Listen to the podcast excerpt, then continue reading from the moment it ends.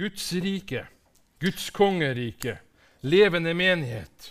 Bibelen er full av fantastiske historier om mennesker som lever med Gud, som mennesker som lever etter Guds vilje, og som får oppleve Guds vilje mens de er her på jorda. Får oppleve mirakler, får oppleve det som ingen noen ganger har tora og trodd eller bedt om, nettopp fordi at noen har søkt Gud og valgt å sette sitt liv og sette sitt tro til det når han har talt, så gjør jeg det. Og jeg har tillit til at når han har talt, så hjelper han meg til å fullføre det oppdraget som han har talt til meg. Noah er en person i Bibelen. Og Bare noen få ord om Noah. Jeg kaller det noen få ordene som jeg skal si. En Betania, en menighet som Noah. Hva var det som var så spesielt med Noah? Hva var oppdraget til Noah? Gud sa til Noah verden er i oppløsning. Vi trenger en frelsesplan, vi trenger en redningsplan. Du, Noah, skal bygge en stor båt. Og I den båten skal noen mennesker komme og bli redda fra fortapelsen, bli redda fra helvete og inn i himmelen. Bygg båten, Noah. Og Noah tenkte det har jeg aldri gjort, men det går sikkert bra. Noah fikk et oppdrag, som vi òg har et oppdrag. Og hva er menigheten til oppdrag? Jo, det leser vi i Matteus kapittel 28, vers 16-20.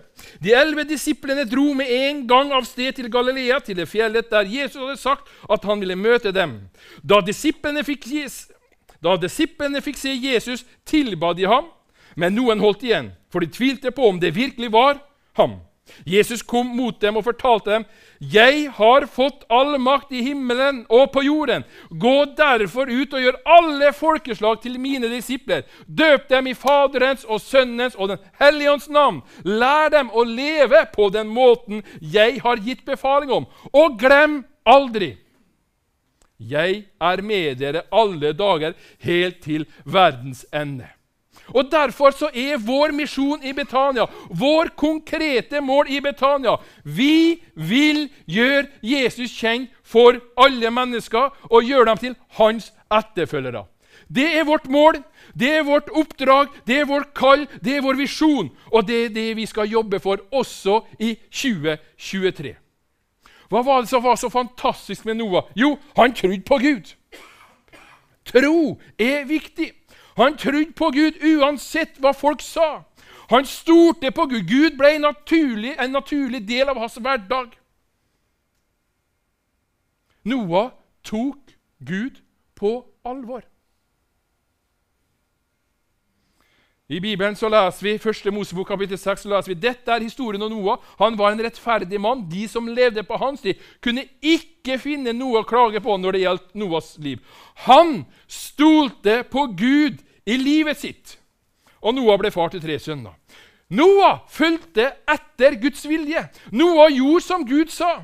Noah var villig til å ofre for å fullføre Guds vilje. Der andre sa nei, der sa Noah ja, det går bra, jeg har tro på det. Jeg tror at det er Guds vilje. Vi gjør dette. Verdenssituasjonen påvirka ikke Noah. Vi kan lese i denne situasjonen. Verden var jo helt i knas, i stykker. Men Noah sa hva som er rundt meg, er ikke det viktigste. Men det Gud viser meg, er det viktigste. Motgang påvirka ikke Noah. Baksnakking påvirka ikke Noah.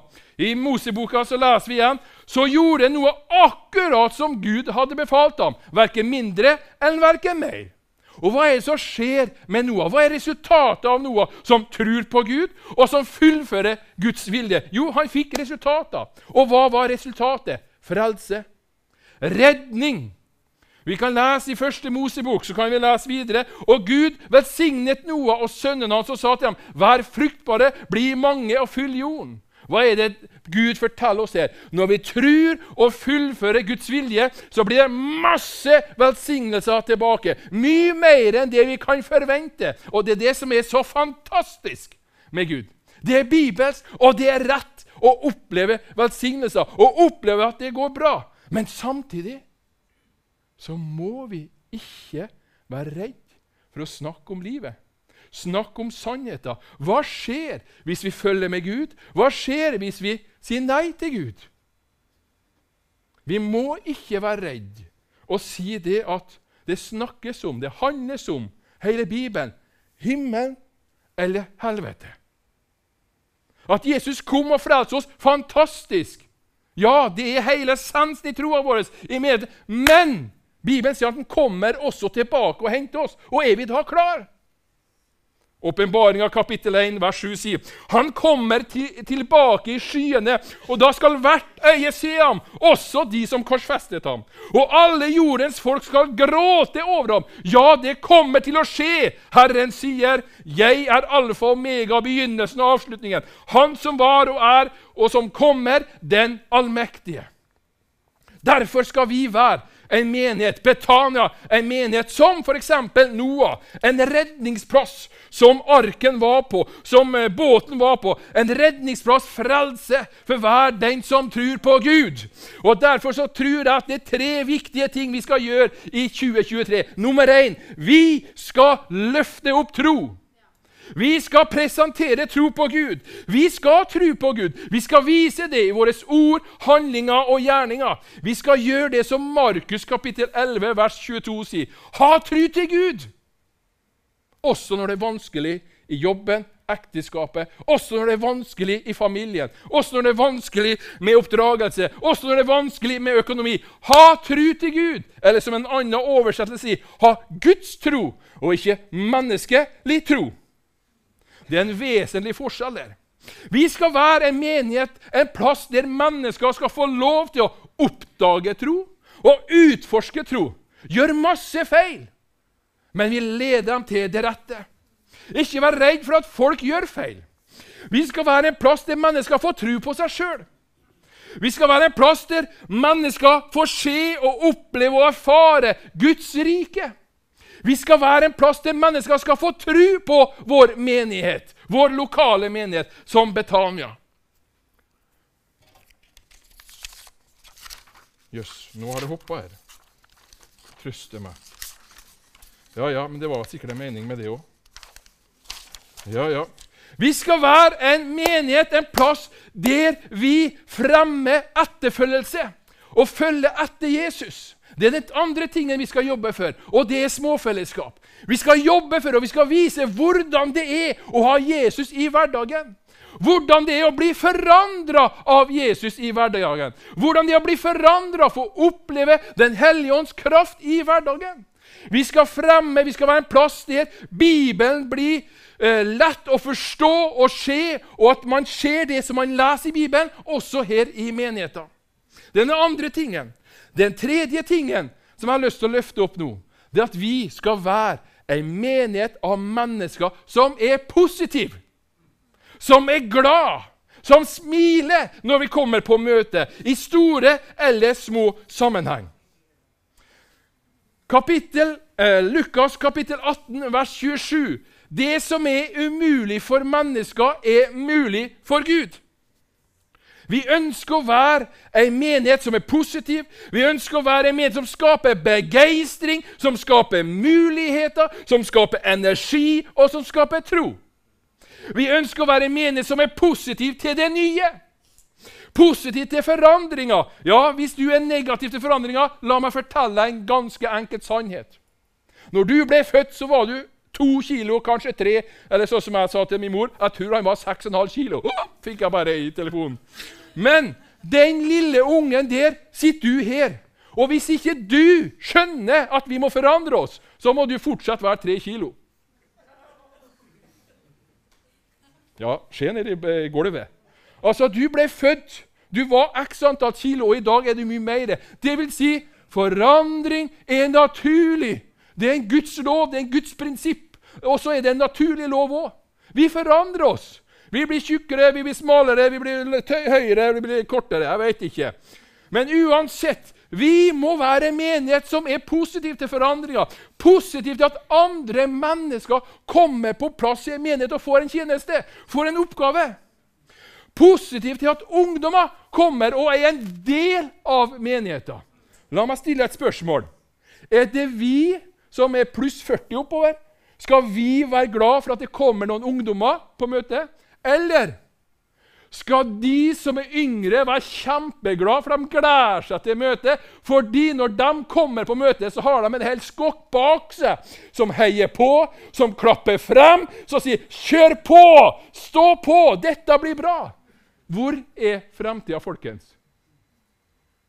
Hvor ligger fremtida? Vi må snakke ærlig, vi må tørre å si dette. Og vi ønsker å være menighet som heier frem mennesker. Vi må våge å slippe yngre til, våge å slippe andre, tørre å tro og være positiv til at Gud kan bruke andre enn kun meg sjøl. Vi skal være en menighet som er positiv til et trosskritt. Tenk å få lov å bryte ny mark, ta noen nye skritt. For eksempel, la meg bare kaste ut her. Tenk hvis vi kan være menighet som ansetter en lovsangspastor. Tenk hvis vi kan være menige som ansatte en evangelist. Eller andre som jeg ikke kommer på her. Positivt et troskritt for at vi tror at vi har hørt noe fra Gud. Vi tar det til oss, og vi går på det, uansett om vi ikke ser alt eller forstår alt. Positivt å gjøre som Gud vil. Positivt til å ofre. Ja, ofre er et ord som er negativt for mange, men i Bibelen er det positivt. Ordet ofre er positivt ladda når vi leser ordet. Og Jeg snakker ikke bare om tiden, kjærlighetsgaver og offergaver, men jeg snakker om å ha tro for prioriteringer, tro for tid, være positiv til å forandre ting, være positiv til å gå ut av vår komfortsone. Noah var positiv til å gi opp sitt liv, bryte opp den livsstilen han hadde, til å fullføre det oppdraget han fikk ifra Gud. Jeg syns Noah gir oss mange utfordringer. Men la oss være ei menighet der troa oppdages. Der at vi gjør det enkelt for mennesker å velge tro og følge Jesus. La oss være ei menighet som er positiv, som heier, klapper folk frem, og ikke står der med pekefingeren. De tre tingene der tro, fremme og følge Jesus og være positiv, det gir oss resultater. Det ga Noah resultater. Og vi får oppleve mange andre resultater, men bl.a. mennesker tar imot Jesus, og liv blir forandra. Vi får oppleve helbredelser, vi får oppleve befrielser. Men vi får også oppleve noe med oss sjøl, når vi har tro på oss sjøl.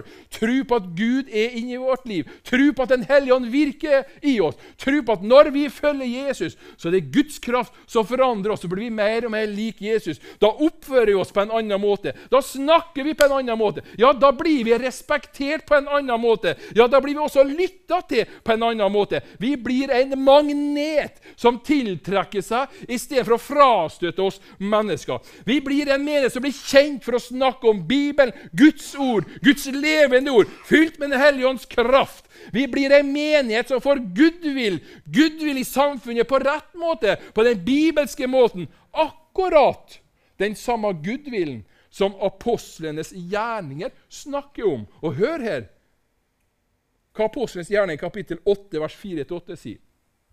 De kristne som var spredt utover, forkynte Guds ord overalt hvor de kom. Philip dro ned da til en by i Samaria og forkynte nyheten om Jesus for dem. Mange mennesker kom til å tro da de hørte det han sa, og så de tegnene han gjorde.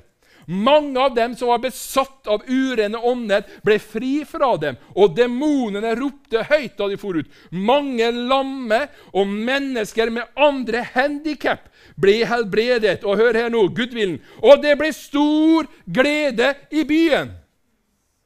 Dette ønsker vi å skje. Men jeg tror det er tre ting vi må ta til oss her.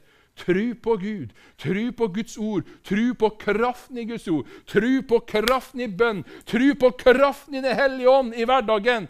Ehm, følge Jesus også når det koster, når det ikke er enkelt. Når vi må legge ting til side, hva det nå må være, for å følge Jesus. For å følge og fullføre oppdraget Guds vilje. Og være positiv til det. Det tror jeg er det fundamentet og det er det vi ønsker å fokusere på i 2023. Guds oppdrag, full av tro, engasjement, entusiasme følge Jesus. Vi følger dette uansett den planen, hva folk vil si og ikke si. Og vi skal være positive til det, også når det koster. Og da kommer resultatene. Skal jeg be en liten bønn? Takk, Jesus, for at du ved Den hellige ånd hjelper meg å tro. Takk, Jesus, for at du gir meg tålmodighet til å følge deg. Takk, Jesus, for at du hjelper oss til å være positiv til ditt ord. Positiv til forandring. Positiv til at Den hellige ånd forandrer min egoisme til å bli mer positiv. Takk, Hellige Ånd, for at vi kommer til å få se mennesker ta imot trua di. Takk for at vi skal få se mennesker ta imot oppdraget, kallet.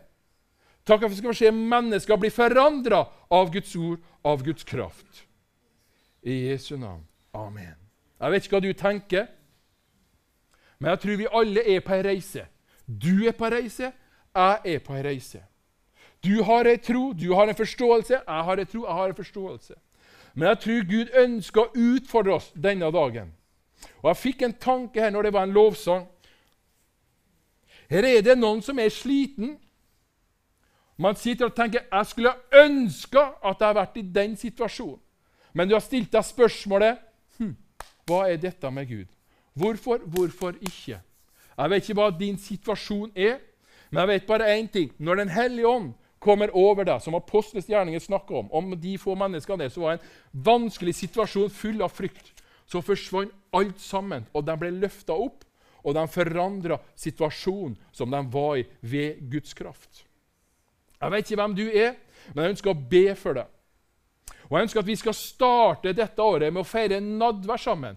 Og gjennom nadværen der, når du sitter på den stolen din der og tenker ja, vet du noe, jeg må og jeg vil og jeg trenger bli berørt av Den hellige ånd igjen. Og jeg ønsker å starte dette året med en berørelse av Den hellige ånd. Jeg ønsker at min usikkerhet skal forsvinne, min tvil skal bli mindre, og tro skal påvirke min hverdag mer. Jeg ønsker at mine bønner skal være Kjære Gud, vær så snill å svare. Nei, jeg ønsker at bønnene mine skal være Takk, Gud, for at du svarer meg.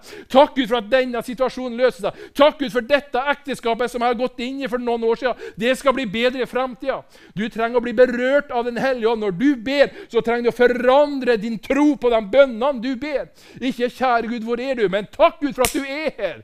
Ikke at 'Kjære Gud, må det bli svar på den bønnen'. Nei, takk Gud for at det blir svar på den bønnen her. Takk Gud for at min økonomi skal bli bra i 2023, selv om renta er på vei opp til himmelen. Vi trenger å forandre oss på innsida, men da trenger vi å bli berørt av Den hellige ånds kraft. Får jeg lov å være ærlig med deg? Kan jeg få lov å være ærlig med deg? Ja, det kan koste, det. Det er en person jeg har vært så irritert på. Hver gang jeg møter en person på Kiwi, så snur jeg meg, for jeg vil ikke snakke med vedkommende. Og jeg skal være pastor. Sorry, jeg er ærlig med deg. Så var det noen som sa til meg Ja, det kan jeg bare si, det var kona mi. Takk for konene. Vet du hva hun sa? Du trenger å bli forandra på innsida, Jonny, over vedkommende. Og bønna mi var Helligånd, takk for at du forandrer meg og blir positiv og har tro på mennesket. Jeg gjorde ikke noe mer med det. Men neste gang når jeg møtte mennesket, så tok vi i handa, og så ga vi hverandre en klem. Vedkommende visste ikke noe om det. Men jeg ble forandra, jeg ble positiv, jeg ble fylt av tru. Og Gud helbreda meg på innsida. Det er sånn vi trenger å være i hverdagen. Du kanskje har en annen utfordring, men uansett, du trenger å bli berørt av Den hellige ånds kraft like mye som jeg trenger.